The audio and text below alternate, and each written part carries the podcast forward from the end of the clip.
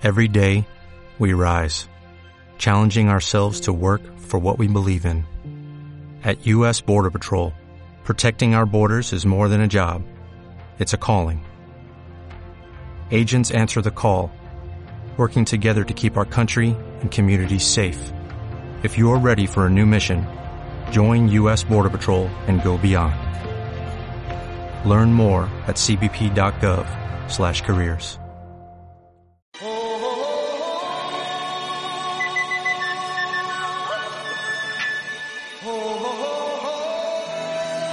Benvinguts a Freaks and Beats, el programa que t'apropa la cultura audiovisual al sofà de casa. Everybody was kung fu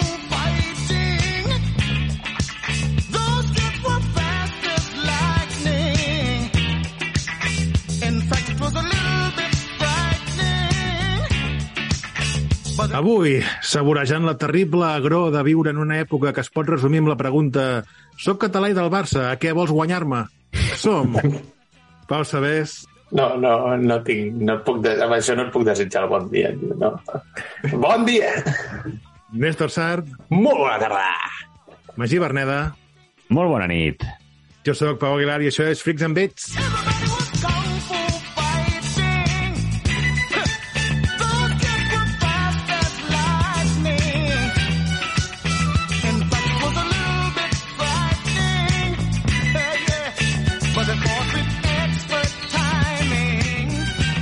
I avui a Freaks and Beats tornem a estar de festa perquè sempre que tenim un convidat és eh, moment d'alegria aquí al programa. Magí, qui tenim avui aquí?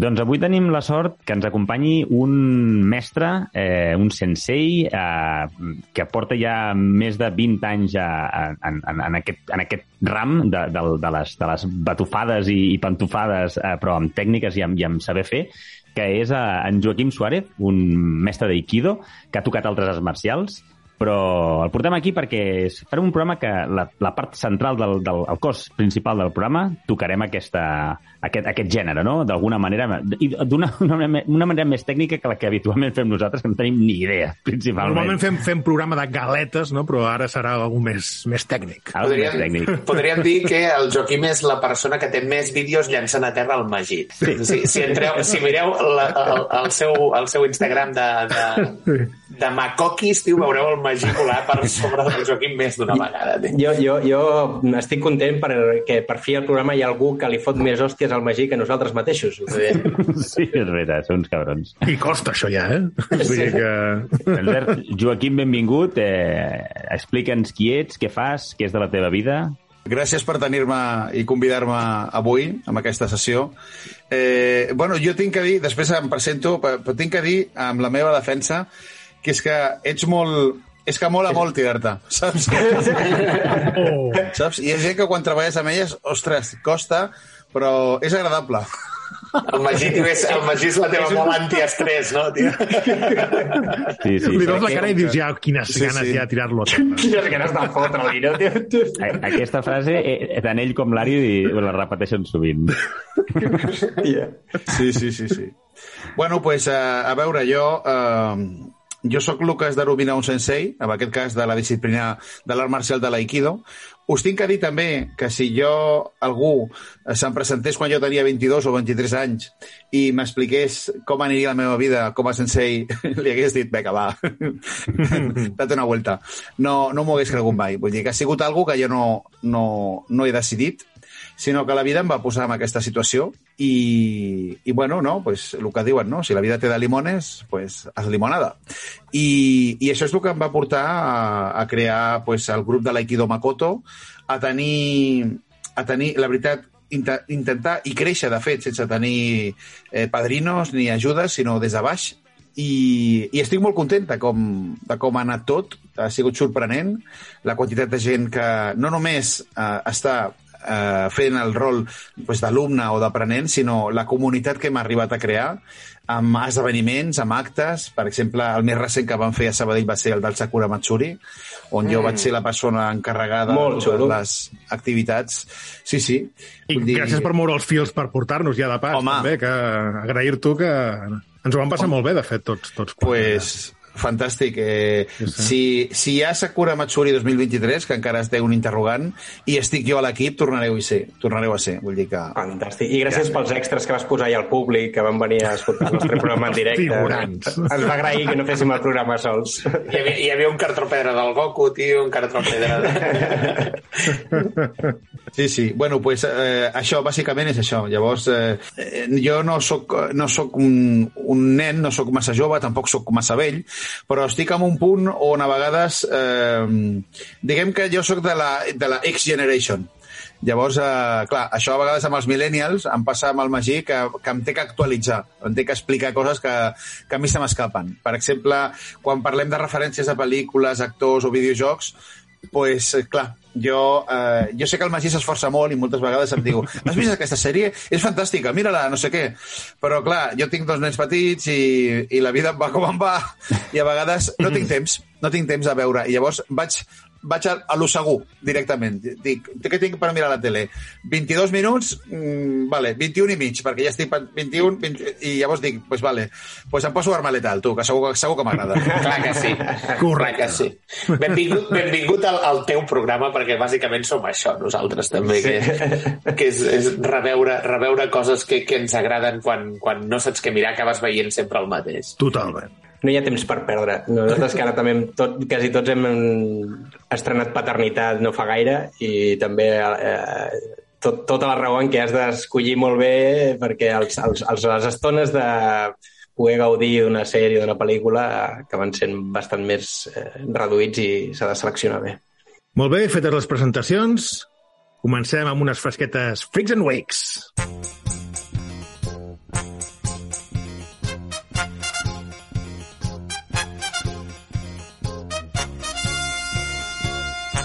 Molt bé, Pau, què has vist? Explica'ns com ha anat la tercera temporada de, de The Boys, que ja has finiquitat. Hosti, és tan vergonyós. D'entrada he, vist, oi? he vist tota Brooklyn Nine-Nine, l'última temporada, però ja em va parlar el Néstor, per tant no entraré aquí. I us porto, he hagut de rebuscar una miqueta en el, en el baúl de los recuerdos, algo que vaig veure fa un temps. Pel·lícula estrenada al juny a Netflix, Spiderhead.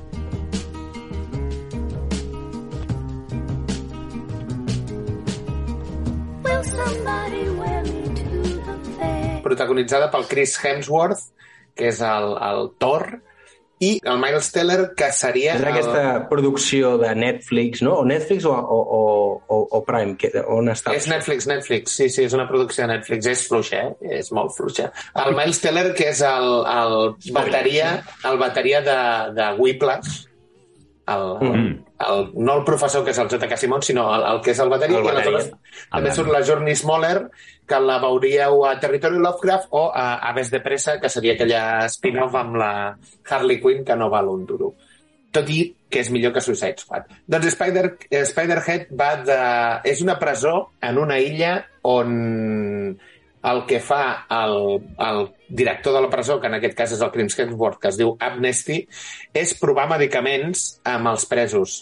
Els presos accepten rebre aquests medicaments a canvi de reduccions de condemna i aleshores el que fan són, els hi col·loquen com un, com un dispensari automàtic a l'esquena i els hi van col·locant vials. I aleshores van provant vials, però el que fan és trastorn. És a dir, fan que s'enamorin, fan que tinguin atacs de riure, fan que tinguin atacs de pànic, no? les medicines aquestes, aleshores ell va, va fent proves i es va veient doncs, com tot es va escapant una miqueta de les mans. És, és jugar als Sims amb, amb, amb Totalment. persones reals, no? Molt Totalment. distòpic, això. És, no, és molt dolent, també et ho dic. Eh? I, però és, dolent, és dolenta per, l'argument o per l'execució? O... Vull dir Home, que- actors té Sí. bons actors. O sigui, Actors sí. està bé, no? sí, sí, a tot. És dolent. Sí, sí, sí, no? Sí, és el Chris Hemsworth fent, de, fent un personatge... El Chris Hemsworth fent d'intel·ligent no queda bé. Vale? El Chris Hemsworth fent d'intel·ligent queda una mica... No te, no te l'acabes de creure. Hagués quedat millor, per exemple, si hagués sigut el Miles Teller que hagués fet de dolent i el Chris Hemsworth de bo, perquè el Miles Teller amb ulleres sí que cola i el, i el Chris Hemsworth fent de prota també queda bé, però en aquest cas fa, fa de dolent i, i és que no, no, Per això Hemsworth queda bé al, al reboot de Ghostbusters, per exemple. Exacte. Sí. sí. Sí, No us sí. la recomano, Spiderhead a Netflix. Molt bé, Magí, tu què has vist? Um, us dic que el que primer he estat jugant i he reenganxat, ja sabeu que de tant en tant hi torno, és la meva droga personal, que és la Hatsune Miku Project Diva Mega 39, joc d'aquests de, de, de, joc de ball, joc rítmic, i d'habilitat, estic a nivell, no, no, nivell eh, expert i ja començo a, a patir cada vegada que m'he de passar una cançó eh, els dits m'acaben fent mal. Ho jugo, ho jugo al tren, a l'anada i la Això tornada. que heu sentit és el, el Néstor vomitant eh, quan estàs fent les, les explicacions. És la setmana del Néstor. En el trajecte d'anada, la majoria de gent al tren està dormint, per tant, amb el meu pianete insane... I tu vas fent pianos i ballant, no? Jo crec... No, jo no ballo... És, és el tio més odiós del tren a les, a les 7 del matí, un tio fent ritmitos allà i... Crec que sí, però no, cops de Cap calça dreta i esquerra, no? no vull, no vull allargar-me en, en explicar-vos l'experiència d'aquest joc, que ja n'hem parlat moltes vegades, però només insistir en que uh, crec que els jocs de ritme haurien o podrien arribar a servir de teràpia per la gent que està una mica trista perquè us prometo que surto del tren i vull anar a treballar. O sigui, vull, vull viure, vull, vull gaudir, més del que habitualment em passa. de- És el somni de la patronal, Magí. Sóc el somni de la- Us ho dic de debò, eh, és important. La música és molt important i, a més a més, en un joc en la que tu... Posa't la ràdio, no? No, no, no, no, no, aquí hi ha la gran diferència. No només l'escoltes, sinó que estàs participant en que tot quadri, no? I és meravellós, això. Jo això, per una banda, però vaig veure, no sé si us ho havia comentat, em sembla que no, Cabin in the Woods, Sí, sí, ho has Oh. comentat, de fet. sí. ja ho havia comentat? Sí. Doncs res a dir Llavors em quedo amb el tema de videojocs. Molt bé, gràcies, Magí. Néstor, tu què has vist? Jo he començat a veure, i aprofitant del programa, la, la última temporada de Cobra Kai, eh, la qual és eh, extremadament repetitiu ja, perquè mm, eh, o sigui, mira que el gènere m'encanta, eh, la història, la primera, les primeres dues temporades em va agradar molt, però trobo que estem mm, mastegant el xiclet i ja no té cap sabor, Sí, sí, ja, sí, ja no pots exprimir, exprimir ja més el conflicte, l'Aruso i el, i el, i el, i el Cobra Kai. El Laruso, com més temporades passen, més, més odiós em sembla com a personatge, i al final les arts marcials queden tan en un segon pla que, que perd una mica el sentit, no? Perquè és... Eh, És que això la tercera Acaba temporada sent- ja passava, o sigui, els merders amorosos entre uns i altres... Sí, però semblava que la quarta havia recuperat una mica la idea del campionat, no? Jo ja no la vaig veure, aquesta, la quarta. Els entrenaments, i semblava que, diguéssim, que havien reconduït una mica, no? que tornaves a respirar molt, molt karate, tornava a haver-hi aquesta, aquesta idea una mica de la competició com a, com a clímax final de les temporades, no? que això per mi té, té molt, molt, molta potència, no? perquè al final que estiguis... Eh, el dramatisme no? dels, dels combats eh, li donava molta, molta vida a la, a la sèrie i crec que sí. tornes a girar tot en relacions aquest triangle paternal entre el John i el, i el, i el fill i, el, i al final és una cosa que ja t'ho han explicat tantes vegades que, que se't fa una mica repetitiu. Bueno, és que també és una virtut el fet de saber acabar les coses al seu moment. Jo, per exemple, Ted Lasso, que m'agrada molt, espero que aquesta tercera temporada sigui la última, perquè serà la manera en què et quedi una sèrie molt bona sense mirar d'allargar innecessàriament el producte, saps? Vull dir, Sí, però jo crec que hi ha sèries que, que, que es deixen o, o, o es, ho fan bé, no? d'anar reconduint una mica el, doncs, la, la trama i, i segueixen seguint mantenint l'interès sense caure en aquesta repetició no? de, dels mateixos triangles amorosos, els mateixos mm. conflictes per a fi i, i per mi Ted Lasso, que em facin 4 o 5 temporades, eh, 5. molt bé, gràcies, Néstor. Joaquim, tu què has vist? Bueno, eh, respecte al tema de Cobra Kai, jo tinc mm. que dir també que eh, jo em perdo una mica amb les temporades, perquè jo la vaig començar a veure quan només eh, es A YouTube, no? YouTube. Mm? Jo, jo Ah. també vaig començar a YouTube la primera temporada. Exactament. I, i crec que eh, a mi el que em va enganxar personalment és pues, una nostàlgia que, que va ligada a les pel·lícules originals quan les vas veure Sí. i també a l'inici de la pel·lícula per mi és mega ultra original, matxacant, que és veure el Johnny Lawrence al terra després de caure al tatami i la sèrie comença que ell està al terra de l'apartament exactament amb, amb la mateixa posició i veus que el tio no ha prosperat. Vull dir, és un garrulo, s'ha quedat on estava, i a La mi és un dels tios que més m'agrada de la sèrie, perquè és el tio que més em fa riure. Sí, No, és que jo crec que és, la, és la màgia de que les primeres la màgia de les primeres temporades tenia aquest element no, de, de veure una, una història que havíem vist sempre des dels ulls de la Larusso.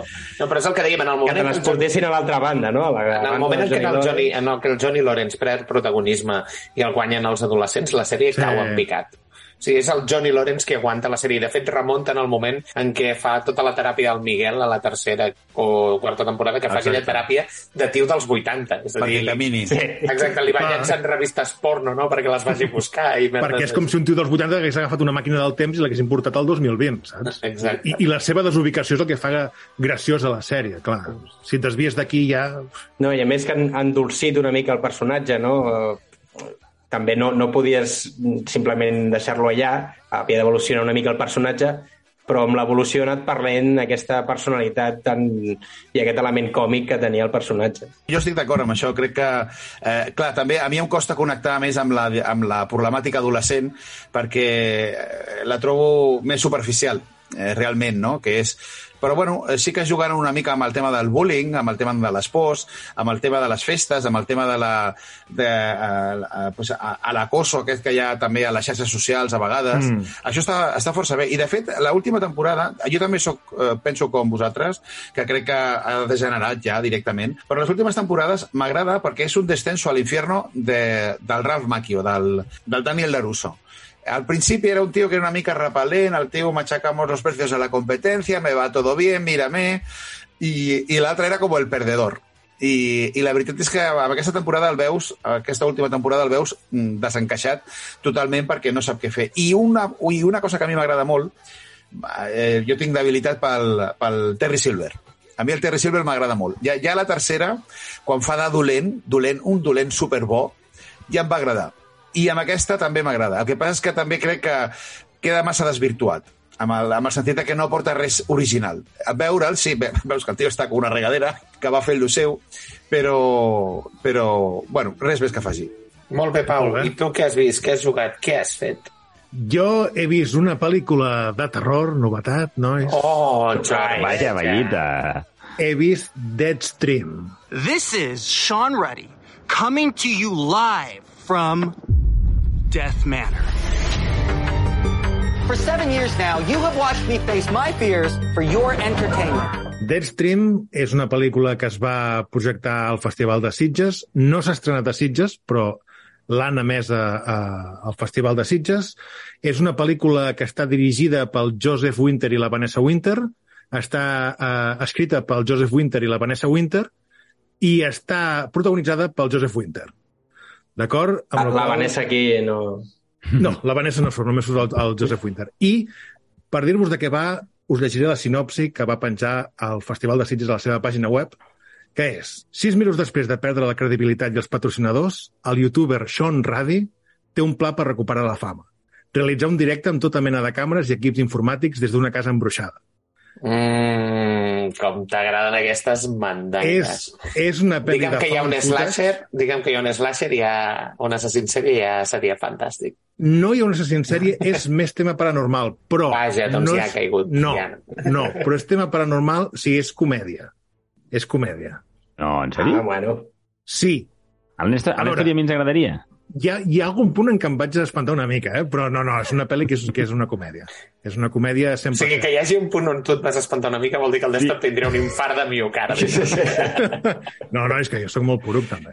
Home, s'ha de reconèixer. És, és molt poc i és molt massoca, com podeu veure, també. Si us agrada les pel·lis de found footage, us recomano que veieu Deadstream. I fins aquí, Freaks and Wakes. Bé, i ara entrem en matèria. Joaquim, explica'ns una mica així superficialment què és l'Aikido. Bueno, això, a veure, em fa molta gràcia eh, perquè és una situació amb la que m'he vist, vist moltes vegades i, ca, i cada vegada em pregunto mm, seré capaç d'explicar-ho bé? eh, bé, jo recordo fa molts anys, eh, jo tocava en bandes de música, fèiem pues, lo típic, no? El rock o música, i la gent em preguntava, quina música feu? Bona pregunta. I sempre contestàvem diferent.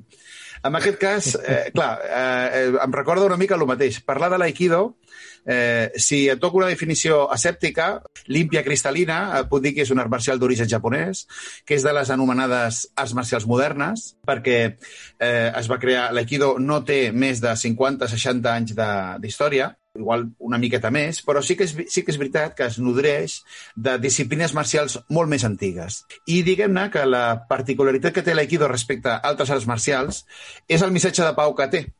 És a dir, no, no és que faci una tècnica eh, que també es fa el jiu-jitsu o que també fa el karate, és com, la, com es desenvolupa i com es fa l'aikido. Diguem-ne que hi ha un principi de, de proporcionalitat i de no agressió. Llavors això fa que els aikidokas, a priori, tinguin una actitud reflexiva respecte al conflicte. No, no activa com el que tenim al cap, que és un artista marcial, a, a l'uso, que podem veure a les pel·lícules, no? el típic tio mega ultracatxes que, Sí, sí. que rebenta ja cadires i tot amb un bar o el que sigui. Sinó estem desitjant o esperant que, que, que ataquin per poder desenvolupar pues, les palanques, els moviments circulars, tot això. Alhora, com que és una disciplina que no té competició, depèn molt del teu sensei uh, o de l'organització on estiguis, o del caire, del to, del color que li vulguin donar. Hi ha aikidos que són més metafísics, on la gent se centra més en aspectes culturals, i hi ha aikidos que són molt més físics, on la gent pues, se centra en elements de la defensa personal, i nosaltres intentem, com va dir Aristòtil, estar amb el punt mig, el qual no és fàcil, però intentem, mm, filosòficament, no, no arribem a levitar, i, i físicament, eh, eh, tot i que el Magí vola molt, pues, també intentem no fer volar tothom. Només el Magí, que això hem vingut. per qui no ho sàpiga, eh, hi ha varis actors que saben arts marcials i aleshores us direm una miqueta actors que fan i deixen de fer arts marcials i n'hi ha un, precisament, que- bueno, de fet n'hi ha dos, ara n'hi ha un que ja no hi és però que també era bastant mestre d'Aikido, que ja arribarem al final. Però d'entrada, per exemple, Chuck Norris fa Aikido? No. Chuck Norris feia Taekwondo i va crear una art marcial pròpia que, que és arrel de tot el que ell va aprendre, va crear. Això ja us ho vam explicar en un altre programa. Chuck Norris, el més característic és el karate, no el taekwondo. D'ell. Que té aquella escena amb el Bruce Lee, que li Mm, arranca sí. el, el pelete del pit, ja, no, sé, no recordo quina, I quina el pel·li era, bufa. i li bufa després com a provocació. Jackie Chan és mestre en Kung Fu, per exemple, i a part de, de, de ser mestre en Kung Fu és un grillat, perquè es fa totes les seves pròpies escenes d'acció i totes les coreografies. Correcte. El, el Jeet Kune Do també és cosa, cosa del Jackie o Diria cuinat entre... Sí, sí, digues, Joaquim. Tu, tu, jo, jo, El- Joaquim per interrompa. primers. Vale, vale. eh? El, el Jet Kune-Do... Bueno, jo parlo fins on arriba la meva cultura marcial, eh? Eh, Igual estic cagant també. Però o- fins on arriba, el Jet Kune-Do és un sistema marcial que va inventar-se Bruce Lee. Això, perdó, sí, està, ara estàvem amb Jackie Chan i m'he anat amb Bruce Lee, sí, sí, sí, sí, totalment. Següent, tenim el Donnie Yen. Donnie Yen, aquest senyor, és el, el, el, el, el sec de Star Wars o el Ah, Ip Man. Sí. Ip Man, Ip Man. Ip I gran aquest pel·lícules. És, és cinturó negre de judo i cinturó porpra de jiu-jitsu, campió del món de Wushu i ses- sisè dan de taekwondo. O sigui, aquest senyor reparteix llenya a, a, amb la postura que vulguis. Et pot, et pot rebentar la cara Pots triar només... com vols que et mati. Exacte, et fa la grulla, tio, o, o et camina sobre la cara directament. Aleshores tindríem el Jet Li, que el podrem veure a Arma Letal 4, ja que parlàvem d'Arma Letal, és el, el que fa d'Arma Letal 4, i té aquella frase tan característica de en Hong Kong ja estaries muerto, que no para de, de dir-li en, el, en el Rick, que és el Mel Gibson, i és campió de Wushu. Això no sé si el Joaquim sap el que és, però jo no, no, no en tinc ni idea. Sí, el, el Busu és... Eh, uh, el Busu i el Kung Fu, eh, ara els, els que fan Busu i Kung Fu me crucificaran. Però diguem-ne que són disciplines molt vinculades. Mm. Ara tenim el Bruce Lee, que a part també va fer el Kung Fu i, i l'art marcial de la, que hem, de la que hem parlat abans. Algo afegit del Bruce Lee, a part de, del seu assassinat i tot el d'això? Alguna, alguna curiositat que sàpigues? L'escena de Once Upon a Time en... Aquella escena és Hollywood. fantàstica. El deixen, el deixen fatal. És veritat. bueno, jo tinc que dir, jo tinc que dir com a artista marcial que a mi el Bruce Lee no m'agrada. I am very sorry. Com, com a actor o com Exacte, a això no, a, això no va preguntar jo. Sí. Eh, a veure, com a artista marcial, el tio era un fenomen. Però com jo les pel·lícules de, on surt el Bruce Lee, jo no li trobo el què. Sincerament, no, mm. no... Sí, la puc veure, però una... Karate ha muerto en Hong Kong, Operación Dragón... Soc, soc més de mirar qualsevol pel·lícula del Toshiro Mifune, per exemple. Em quedo molt més pillat mirant qualsevol pel·lícula de Kurosawa abans que veure... Ah, La marcialitat entesa d'aquesta manera a mi no, a mi no m'enganxa. És Showtime, no? És marcialitat. Sí. Massa espectacle, Showtime, potser. Sí. Sí. Però era com un agafar la, la idea aquesta una mica de Kurosawa i de la tradició més, més oriental, no? De, de, I fotre-li píxeles i i posar-li eh, rotllo Hollywood, no? Sí, sí, sí. perquè sí que va ser una mica dels precursors d'aquest tota la revifada no? del, del món de les arts marcials a dins de Hollywood eh, sí que se li deu una mica amb ell, no? Tot i que estic d'acord que són mm, potser encara són construccions que tenen aquest ritme més eh, oriental, però a la vegada tot aquest showtime d'espectacularitat eh, que- americà i que no acaba de ser cap de les dues Per coses. això, per això que el Joaquim és un tradicional, per això no li agrada, segurament. Segurament. I també perquè m'ha arribat cada flipat al dojo que... Que ha vist massa pel·lícules. Fent, fent molts crits, no? Aleshores tindríem Jason Statham, que a part d'haver saltat als Jocs Olímpics de Barcelona 92 trampolí, Ah, si podeu, sí? Sí, si podeu... Sí, sí. És Jason Statham Amb, amb, amb, amb cabell, pelete, amb cabell. Sí. És eh, aficionat a les arts marcials mixtes i al kickboxing, per exemple. Aficionat només, per això no és mestre... Bueno, vull dir que aficionat vol dir que Bueno, igualment la cara. Vull dir, si- No, home, ja, sí, clar, però... Les però- mixers marcials tampoc tenen aquest sistema de cinturons o alguna així com perquè bueno, no sé si es, eh, es podria haver presentat alguns campionats, alguna història, no? Però no tenen aquest rang tan clar com podrien tenir altres disciplines. Jean-Claude Van Damme, que és eh, karateca de la modalitat Jotokan i que va Shotokan. arribar... Com? Sotokan. Shotokan. I que va arribar a l'equip nacional i va guanyar el campionat europeu el 1979 com a, com a karateca. Déu-n'hi-do. Wesley Snipes, Mm. aquest senyor, va incorporar a la, al seu arsenal karate, capoeira, kung fu, jiu-jitsu i kickboxing. Aquelles patades que fa Demolition Man són reals. El, el senyor sap repartir llenya. Dolph Lundgren. Ojo aquí amb Dolph Lundgren. Oh, He-Man. Cinturó negre de karate. Kyokushinkai. Aquí el tens. I ara sí, entraríem a l'Aikido, que tindríem el senyor Sean Connery, malaurat Sean Connery, i un dels que segurament avui serà molt comentat, que és el senyor Steven Seagal, que apareix cinturó negre de karate, de judo i de kendo. I aquest també és un, no sé si era set- setè dan de- d'Aikido, em sembla que era. Bueno, és, de fet. És, sí, sí, encara és, encara és. Però tot i que l'altre dia li vam veure el, el Pau i jo, que ens agraden aquestes mandangues, li vam veure un vídeo d'unes presentacions d'Aikido a Rússia, que els tios que té, que té allà que li fan de, de sparring... Digues, digues, digues. Això, sí, que era, són petits, no? Sí, No, no, és que el Seagal ara... Sí, sí, és, és, no, però a part, però a part que ell, ell, els tios aquells ofereixen menys resistència que el Magí als teus vídeos. O sigui, apareixen que ja estan volant pel terra. Saps? Bueno, acabaré, acabaré calent aquesta, aquest, aquest programa. No, però el- el Steven Seagal, no sé si, si ho tens per aquí apuntat, Pau, té el mèrit de ser el primer occidental que va obrir amb èxit un, un, un gimnàs d'aquests a Japó. Amb... O sigui que normalment era una, era una disciplina reservada a mestres japonesos i el Steven Seagal va ser el primer occidental que va aconseguir trencar aquesta barrera allà Això és mateix. cert. El que no es diu és que la seva dona era japonesa i també Uh, venia d'una història... contactes. Sí, que venia d'una tradició marcial. Mm? Bé, això no ho sabia. Sí, sí, clar, aquesta és la, la cara B. Sí, això no, no no? S'acostuma a dir. Bueno, també diuen, també diuen que a l'Steven Seagal li van concedir la llicència d'armes per poder-se...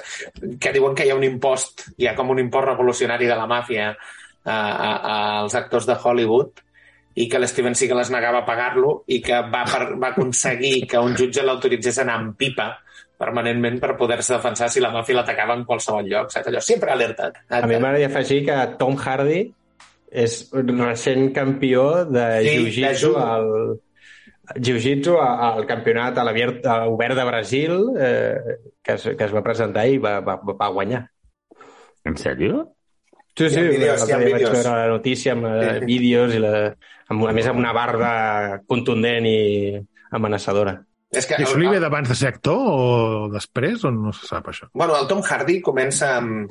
La, la pel·li així gran de Hollywood que fa, em sembla, la primera és la de Star Trek Genesis, em sembla que és, que les crítiques el deixen tan per terra que el tio cau en una depressió, s'alcoholitza i tal i qual, i aleshores fa un, una remuntada i esdevé aquest monstrenco més endavant com fa de Bane i després The també fa Bane, sí. Warrior i Sí, sí. que ja és aquest tio superfort i suposo que allà és quan li agafa una miqueta el gustet a, a tot això perquè a Warrior la plàstica que té de les lluites són, és bastant, bastant real.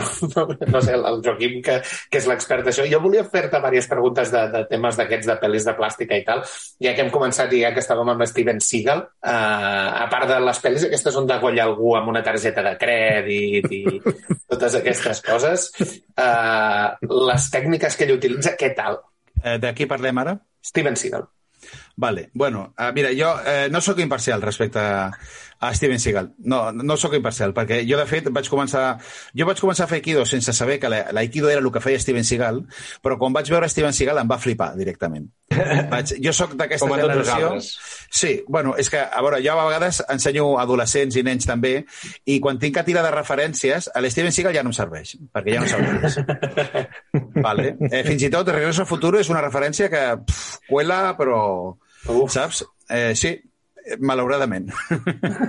Llavors, eh, jo tinc que dir que et parlaré de l'Steven Seagal, però et parlaré de les pel·lícules en general, de les arts marcials. Com deia, jo respecte a Seagal no sóc imparcial, perquè és, és, eh, em va flipar la seva manera de resoldre eh, els conflictes a la pel·lícula, a les pel·lícules, eh, però també tinc que dir que a mi Seagal m'agrada les seves primeres 4 o 5 pel·lícules. Després ja no m'agrada. El que fa no, no, no ho entenc, fa una barreja de fantasia i coses que no, no, no acabo de comprendre. I això és algo que eh, m'agradaria fer extensiu a moltes pel·lícules de les arts marcials en general, on l'únic que es veu és un plànol que està molt tancat, mans que es giren molt ràpid, explosions per aquí, explosions per allà, i no entenc el que està passant. Llavors, Estic com a artista... tan, tan d'acord amb tu, Joaquim, Sí. molt profundament, perquè o sigui, la, moltes de les pel·lícules actuals és això, inclús passava en pel·lis que... que Transformers. O Transformers Star és- Wars. Sí, sí. Les bata la batalla de Yoda contra l'emperador, que és un- veus verd i veus coses volar i no entens ben bé què passa, i amb les arts marcials passa molt. Jo crec que és per falta de, de, de, de qualitat dels actors a l'hora d'executar aquests moviments.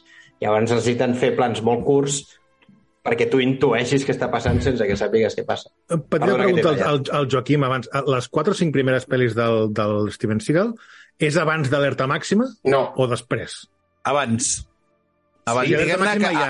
ja... Alerta màxima és l'última, per mi. vale. La, la L'última primera. acceptable. La del La vaixell. primera. Ah, En Tierra, en tierra Peligrosa ja surt d'aquest rang, no?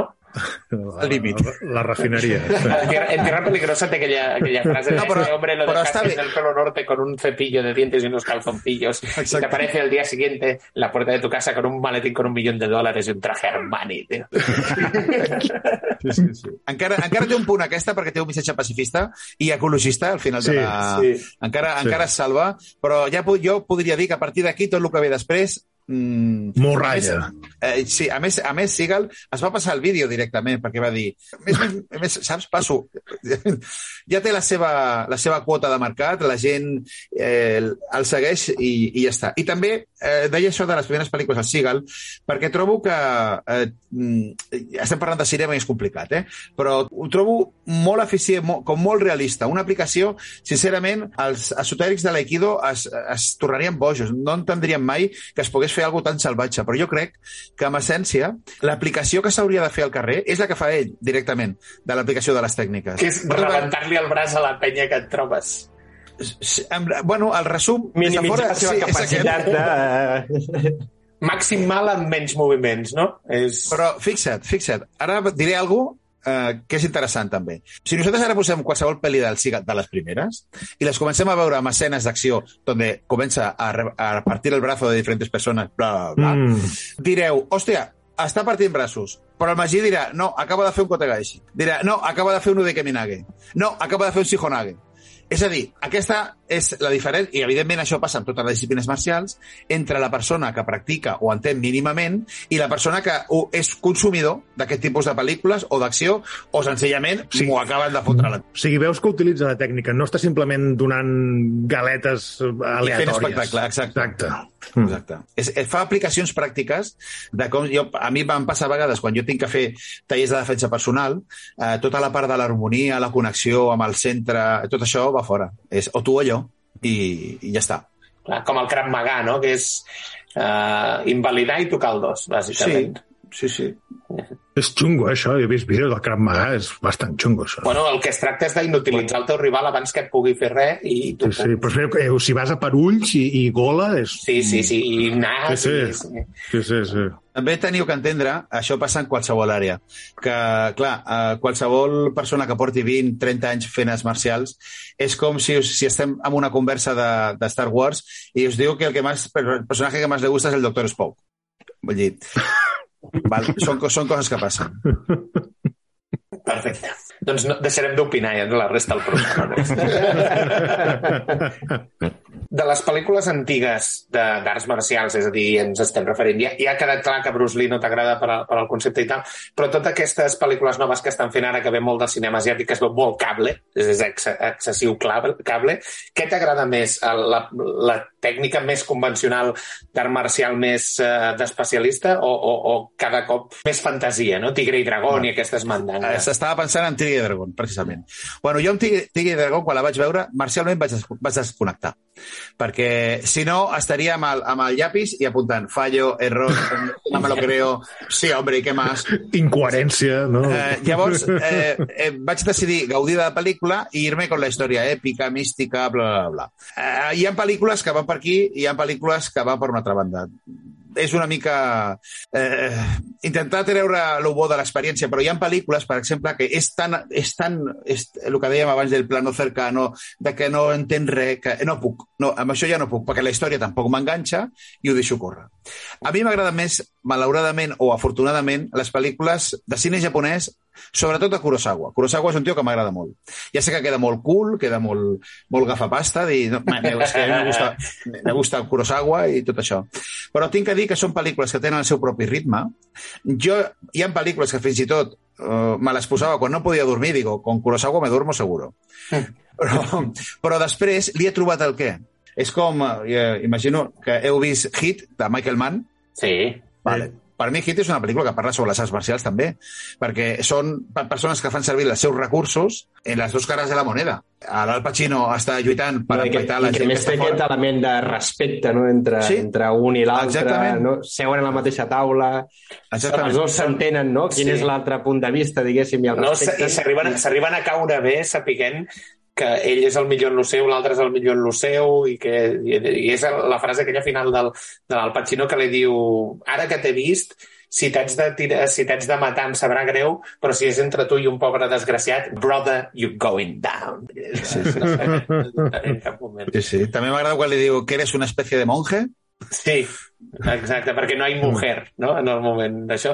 I Zatoichi, per exemple, que és més modern i tot això, Takeshi Kitano, vale. Mm. Zatoichi, sí, eh, són pel·lícules eh, també que no estan malament, però clar, un samurai ciego que... eh, Sí, està bé, està bé, està bé. Es, es deixa veure, pel, Ja, pel i- meu gust personal. I ara aquí ve la, la, la pregunta mardosa, que és... Vale, ja, uh, uh, Kill Bill no, si és aquesta no, Kill no, Bill no. no. No, no, no. El, el, el... Aikido també feu coses d'espasa, no? I deriva una mica del kendo. Ara no sé si t'hi fotem molt la, la pota, però el tema del kendo i aquestes històries que feu d'això, i que hi ha espases, què l'último samurai? Pues mira, l'últim samurai a mi em va agradar. Em, em va agradar perquè... A veure, és que també hem de parlar de Tom Cruise. És que és, és, és interessant. clar, clar, clar. És que, és que és un tio que ha passat de ser odioso a interessante. Eh, Sí. Saps? Sí, perquè està en una carrera infinita per veure si mor de la manera més espectacular possible. Sí. Serà molt, molt èpic quan passi. Sí, sí. Perquè Ah, passarà. eh, El último samurai, per mi, té, té diverses coses que són interessants. Per exemple, bueno, doncs, primer et parla de, de, de, la, de la guerra nord-americana, on hi ha un capità ara no, o un teniente, no recordo el càrrec que té el, el Tom Cruise, però està alcoholitzat perdut, perquè Sí. eh, va, va, Capità va batallar amb, amb el Little, Little Big Horn, amb la batalla Sí, aquella que amb va la del. Casper, sí. I el tio va trastocat perdut, però té un sergent que diu jo respeto, aquí una altra vegada la tradició marcial, jo respeto a mi mando que està por encima, que sé que és una, una bèstia en el campo de batalla, encara que esté al- alcoholitzat perdut, i lo meto aquí porque los japoneses se quieren occidentalizar i que volen crear un exèrcit i volen fer no sé què, tal. aquesta part m'agrada. Després hi ha una part també que és supervisual, que és la part quan els samurais surten a primera escena i tothom es caga viu. Allà al bosc, no? Amb la Al boira... Clar, per què? Perquè els samurais eh, estem... Aquesta pel·lícula se centra en l'època de la restauració Meiji, que és a dir, és quan llega realmente el, el progreso i, i les costums queden amb, com, que no són tan importants. Després ja hem vist que el Japó ha retornat i ha fomentat tot això, no? De fet, sense anar més lluny, a la Segona Guerra Mundial van retornar a agafar el caràcter del Bushido a través de los kamikazes i de tota aquesta història. Doncs m'agrada molt aquesta, a, a, aquest moment on es caguen quan veuen els samurais perquè encara saben que formen part d'una estirpe que poden tallar-te el cap perfectament i menjar-se un donut. Bueno, un donut, una... Ja. el que sigui. Sí, un yakimeshi. Sí. Sí, el que sigui, exactament. I després també m'agrada molt la, el concepte que fa el, el Ken Watanabe, el Katsumoto, d'entendre qui és el seu enemic, com és el seu enemic. A més, l'enemic, el Tom Cruise en aquest cas, és un soldat o un mando excepcional, perquè si veieu, el tio quan està ferit, que per això aquesta imatge del tigre, aquella, amb aquella bandera que va Sí. girant, el, el Katsumoto es queda flipat perquè diu, aquí hi ha un samurai també, aquest tio és un guerrer. I el tio està, passa tot el, tot el mono de l'alcohol i tal, i el tio, bueno, pues, té un llibre, escriu, dibuixa i tenen, i tenen conversacions, aprèn l'idioma, aprèn la cultura i el que em sobra és que l'últim samurai, al final sí, la flor perfecta, tot esto ja, ja m'és bastant igual. Però tota aquella escena m'agrada. I també m'agrada molt una escena, i m'estic allargant, però la tinc que dir perquè és brutal, que és aquella escena on realment el progrés arriba a un punt on qualsevol camperol es fa policia, Mm. i llavors un samurai que està per allà es burlen d'ell, li tallen la Mhm. cua, ell té una escena que treu l'espasa, la treu una mica, però l'ha de tornar a guardar, perquè sap que morirà, que el mataran. I en aquell moment, la pressió social que té el desenvolupament del personatge, tal i com està, li fa per no treure l'espasa. I ha de suportar doncs, aquesta, aquesta vergonya Vergonya. brutal que en una altra època, en un altre moment, sense tenir una responsabilitat directa, sinó sense samurais, hagués dit, mira, jo et tallo el cap i si me pegas un tiro, Mm. m'és igual. Parlant d'això i d'occidentalitzacions i d'agafar termes, Ronin, per exemple, del, del De Niro amb el Jean Reno, l'has vista? Brutal. És una de les meves pel·lis favorites. Gran pel·lícula, aquesta. Sí. Millors, també. millors persecucions ever. Perquè Sí, són sí. persecucions realistes I reals, sí, sí. És, Sí. que són... Correcte. que us tinc que dir que si mireu la persecució que es fa amb l'M5 pels carrers de París, hi ha un Twingo que surt com 8 o 9 vegades. Jo, dic, jo tinc, un, jo tinc un Twingo, per això em vas fixar. És el Twingo, el Twingo tio, amb un motor d'Audi amb 8 cilindres. Tio, Trucadíssim.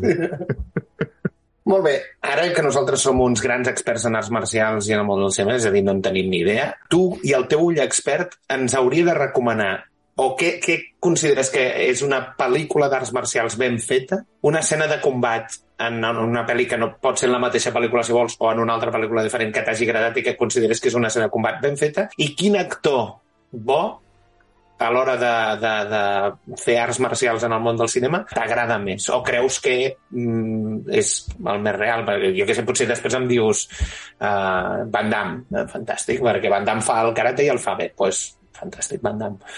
Però, però Però no, no, vol, no et vol condicionar. No, vol condicionar. no, no, no sé, Estalone, no, dic, el que vulguis, Estalone, no? Bueno, el primer, eh, per respondre a pel·lícula d'arts marcials, hem de repassar el concepte de pel·lícula d'arts marcials, perquè molta gent al cap té... Eh, to, Matrix. Bruce Lee, Bruce Lee o Matrix o coses així. Per mi, una pel·lícula d'arts marcials és una pel·lícula que parla de la cultura que està vinculada amb les arts marcials. Llavors, podria ser perfectament mm, Los Siete Samurais, per exemple. O els Set Magnífics. Em quedo amb els Set Samurais. No, no, òbviament. Magnífics, sí, sí, el, evidentment. El producte, el producte original és molt millor Sí, que no sí. pas el, el, el, el d'això. Co- Com a escena, per exemple, important, ara ja entra, entrando en, en, en carne, eh, hi, ha, hi ha una escena que m'encanta, m'agrada molt, que és eh, a la pel·li de Buscando Justicia de l'Steven Seagal, quan entra en una mena de carnisseria i venen quatre o cinc tios a buscar-lo i llavors el tio es defensa amb el que té. Es sembla que agafa un xoriço, un fuet, a un li fot a la cara, a l'altre li fot... Li ve a atacar amb un, amb un ganivet, li fot a la, a, la, a la taula de cortar, pam, li fot la mà aquí. Ho trobo super... És lo que hay. Estic aquí i me tengo que... No, és a dir, no hace una patada voladora giratoria, se sostiene en el aire mientras carga la pistola i fa... No, vull dir, és, és, saps? Eh, però Jackie Chan també tenia aquest punt no? d'utilitzar tot el que té al seu voltant no? Sí, però amb teatralitat com a còmica. elements visuatoris. Amb tele, però per mi una escena Sí, sí, d'aquestes segur. on, on et defenses amb el que pots és uh, uh, Jason promeses, promeses, no, promeses de l'Este amb el Uf. Viggo Mortensen Viggo a l'escena Mortensen. de la sauna que ell està despullat i l'ataquen tot de tios amb ganivets i tal i ell està en pilotes i penses, buah, tio o sigui, no tens ni robeta per, per parar No tens res. Res, absolutament res. I és aquella lluita que dius, vale, te n'has de sortir com sigui, doncs fa el que pot, pues, amb, amb, amb tot, amb tovalloles, amb tal. És una escena igual al que dius tu, es defensa amb el que hi ha al, al voltant. Sí, sí. I també eh, hem parlat abans del Wesley Snipes.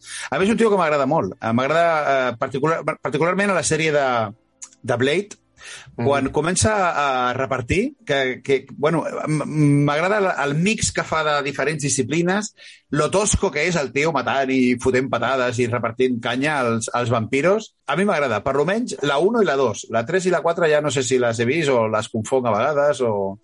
Hi ha quatre? Potser. Hi ha quatre, sí, hi ha aquella que sortia el Ryan Reynolds. N'hi ha tres No, amb aquella les és la Snipes. 3, aquella és la Hi ha 3 amb tres, la Biel. tres segur. És la Jessica Biel, sí. La, la, Però no la moria al final de la primera. No, Wesley Snipes, no. No.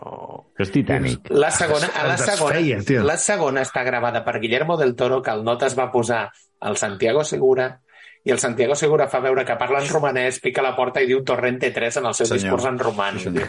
Si el tio està picant a la porta i va, va dient algo com esto, Torrente 3. Saps? I deixa anar Torrente 3 clarament, tio. Que tot el públic espanyol estava dient Dios, el que acaba de fer. I surt el Ron. Pellman.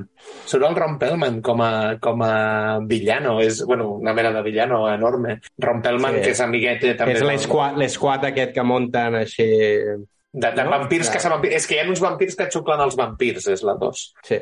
O sigui, tot això, Joaquim, per dir-vos que la, a Wesley Snipes, com a, com a escenes, les seves escenes en, en Blade, t'agraden? O A mi creus sí. que estan... La manera de repartir que té, que és molt creatiu, m'agrada. Demolition i, Man i, també I va per feina. Demolition Man també. Sí. Gran pel·li, Sí, sí. també, aquesta. Sí, sí. És que li vas a tocar la patata al Pau Aguilar, Joaquim. És que són, No. són clàssics de- d'acció, no? És clar, és que, en fi... M'agrada perquè el, el Joaquim va deixant anar alguna pel·lícula que sé que us aneu fent pipi a sobre dir, bé, sí, d'acord, aquí el tenim, el tenim nosaltres. Jo, jo, Joaquim, et volia preguntar, així més recent, hi ha alguna pel·li que t'hagi realment sorprès de, de dir bon enfocament o Bueno, ha les dit escenes la- estan molt ben treballades? Ha dit de Jason Sí. Bourne, per exemple, Jason Bourne. Sí, Jason, Jason Bourne està molt bé. Però Bueno, eh, perquè parlo allunyen una mica aquest pla no? d'aquestes escenes que eren molt a prop. Jason Bourne fa aquests espais reduïts, però mm, que et- veu, tens una mica més de sensació d'entendre el que està, està Ja, passant. ja de, forma, de forma indirecta ja has enfonsat Matrix, perquè el Magí ja està d'això. Ara parlem de, de, de, del senyor Keanu Reeves, com el veus tu repartint llenya? Ja per Pues mira, acabar de jo- fer d'enfonsar-lo. el A mi el. Keanu Reeves és un actor que em cau molt bé. Ja em va caure bé en les loques aventures de... Eh, Del Ted- Ted, Billy Ted. el Ted Billy Eh, ja em va caure bé. Eh, també em cau bé perquè crec que és un tio molt humil, o això és Sí, el que ens han sí. Sembla, Ha tingut sembla, una vida que ha sigut una desgràcia personal. Totalment. I és un tio que em cau bé. Uh, li llamen Body, que fa de Johnny Utah. M'encanta el paper que fa. Sí, Eh, Point Break, sí. Uh, sí, sí. Així com amb Tom Cruise a Cocktail vomito, pues amb ell, saps? És, és diferent. I tota Eh, la- tota l'evolució que ha fet amb, amb Matrix i amb Jack Reacher i tal, Jo crec que, jo, jo crec que uh, Keanu Reeves ha, vis, ha viscut un descobriment de les arts marcials quan va començar a fer Matrix i ha continuat amb tota la sèrie del John Wick, crec que es Sí. diu. he dit Jack Perquè- Reacher, sí, perdona. Sí, perquè per fer tot el que ell fa has de practicar arts marcials, necessàriament. Mm, és, és molt complicat fer el que ell fa, perquè, perquè s'entén. No, no les he vist totes, eh, però alguna he vist de, de John Wick i s'entén el que fa. Eh, tot i que és massa espectacular perquè a l'hora que te fot quatre patades te mete dos tiros, te lee tus derechos, bueno, fa tot això, no?, al, al mateix temps. Però, però trobo que el tio, no sé... Sí, veus que- aquells moviments nets, no? Sí. Eh, Ben, com ben executats. per mi a l'altre extrem estaria Van Damme. ¿vale? Van Damme és un tio que jo no l'he suportat mai.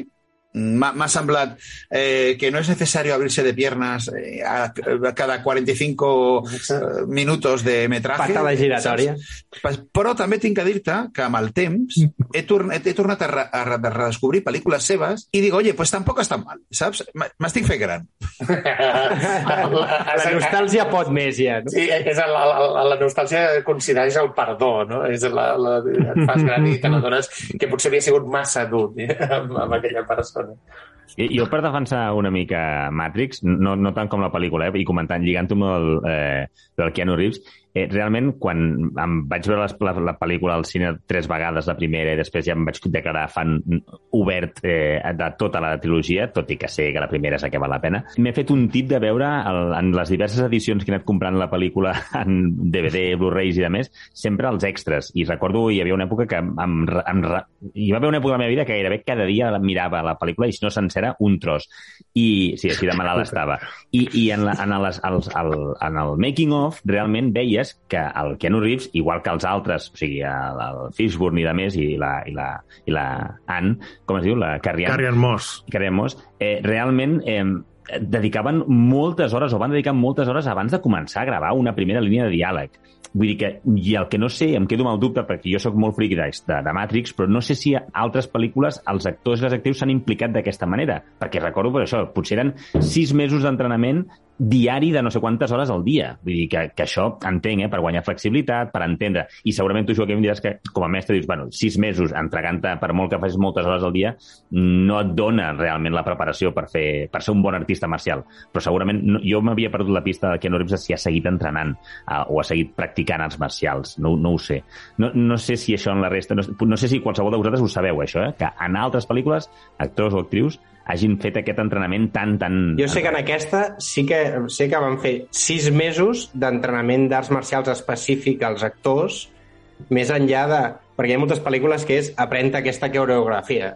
Tens un Ah, clar. director de coreografia, fas així, i pica per aquí, tu vas cap allà, i, i, i diguéssim, no necessites cap formació, i que amb ells sí que volien sis mesos d'entrenament específic. Bueno, Jo entenc que perquè hi hagin certs moviments que no, posi, no el vegis que està ficant el braç tou o coses d'aquesta així que, que, que ja perd credibilitat ni que estigui fent el moviment correcte o la tècnica aplicada ben feta que si no, no està executada amb l'energia o amb el d'això en sis, no perd realisme, no?, la pròpia escena. No, no pot ser casualitat que el 90% d'aquests grans actors de pel·lis de- d'acció i d'arts marcials hagin sigut importants en la seva matèria abans de ser actors, que no pas al revés, Bueno, saps? Aquí, aquí anava a preguntar Clar. jo, per, per, ja que estem en el modus nostàlgia, sobre dos actors de, de, que van fer Sempre estem en modo nostàlgia, Pau.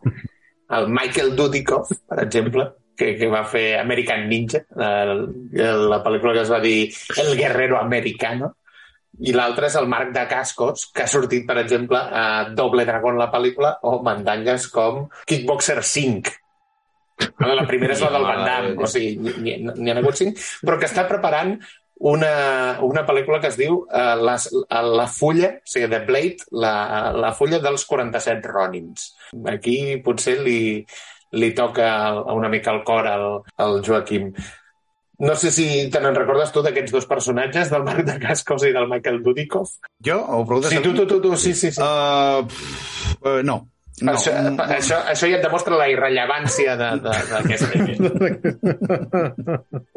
I jo, en defensa del Van Damme, he de dir que la pel·li de Kickboxer em va agradar molt aquesta idea de van els de fotre, americans... de fotre-la en un bar no? i que comenci a fer l'espagat borratx. Ah, és el, és el bar amb la ballaruca, no? Aquesta, Sí, sí, no? sí, És la, la vaina loca. Però sí que em va agradar aquesta part, tio, d'anar als, als, als americans amb aquella àrea, de superioritat, de, ostres, sóc el campió del món, jo vinc aquí a pintar-li la cara a aquests, a aquests del tercer món, quasi els tracten, no? I, i arriba allà i el Van Damme se'n va a buscar no sé què i veu el, el Kung Po clavant-li patales a una, a una columna i, i, i, i caient, caient trossos i, se'n- i anant ràpidament al seu germà a dir-li que no sap on s'està fotent. El seu germà diu amb el mollete permanentment un mic, no? Aquell mollete de rínxols permanentment moll. Anys 80, no? És... Sí, Bueno, sí. jo, jo tinc que dir que a mi el Van Damme, jo vaig, canviar, vaig començar a canviar el concepte del Van Damme. Té una pel·lícula que es diu Doble Impacto, que representa que són dos Oh. germans. Un Sí. germà que s'ha criat bé, correcte, tot, que el tio fa pues, allò, ballet i ensenya a la gent i les noies van boges, i l'altre s'ha buscat la vida no sé si és Hong Kong o Singapur, no sé on és. S'ha de buscar la vida i és, és un màfies i un xuloputes de cuidado. Ostres, quan el veig, veus els dos, veus el Van Damme que veus sempre, amb la imatge que tens de sempre, i un altre tio que dius, pues si alguien tuviera que darle por culo a Van Damme, este Van Damme me gusta, saps? I, I la relació que tenen em va agradar, em va agradar. Dius, no és tan mal actor, no?, al final de tot. Sí. Exacte. Perquè... Bueno, per exemple, el Seagal no és cap, cap bon actor. No, no, no. No, no, no brilla por su Per eh, dramatismo. ni... Sí, sí. Vale. No, però el que, mira, coses del Kung Po, per, ai, del que parlàvem de, del kickboxing i tal, el, el Michel Kisi, que és el Kung Po, és nascut al Marroc i és molt amic del Van Damme des de l'adolescència. Es coneixen amb 12 anys, quan el Jean-Claude Van Damme encara no es deia Jean-Claude Van Damme, sinó que es deia Jean-Claude Van Van Berdenker. I, va, I el Kung Po el que comença a estudiar és boxa, no, no kickboxing. Bueno, és que hi ha un concepte molt interessant, que és el concepte de uke. Uke és la persona que t'ajuda a desenvolupar la tècnica. Sí. En moltes pel·lícules de karate o de que surt l'aikido, que surt el que sigui, surten les arts marcials. Normalment, els tios que fan de dolents són alumnes. Quan el Chuck Norris fa d'alumne, de, ai, fa de dolent del Bruce Lee, era alumne seu, no? Exacte. No, no sabia això. Molt bé, i fins aquí aquesta dissecció sobre arts marcials al món del cinema. I abans d'acabar, videojocs de paraules amb Magí Berneda.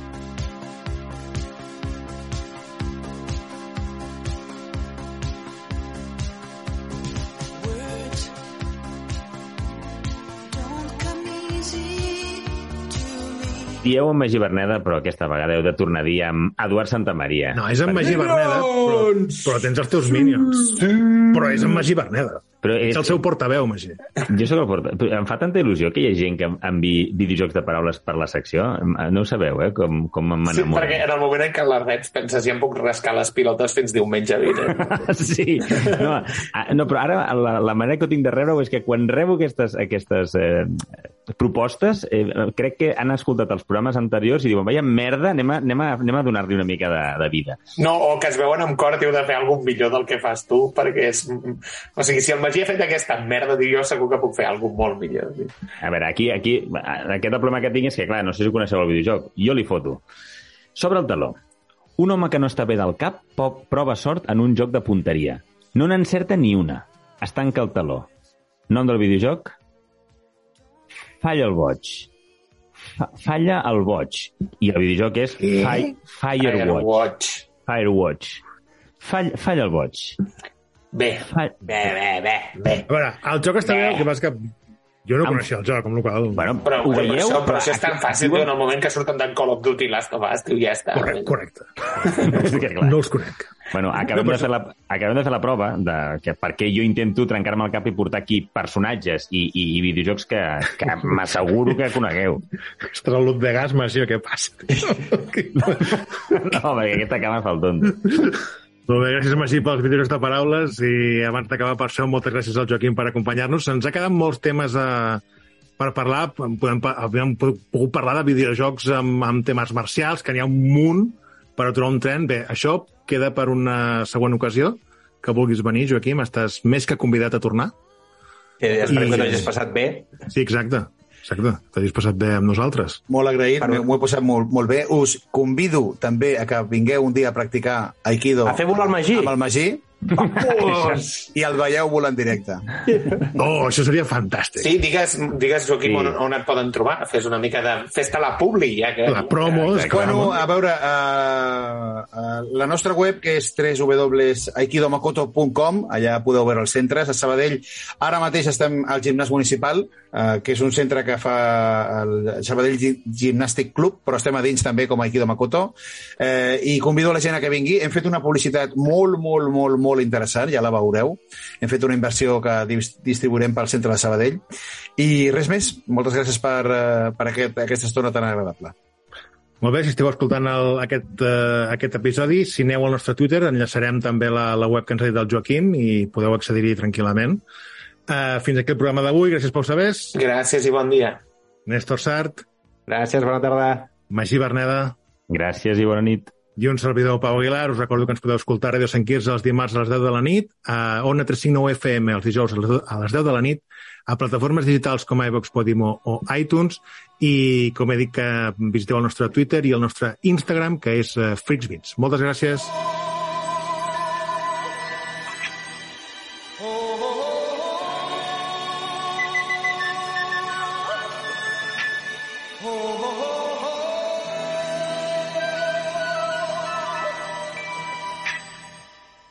Everybody was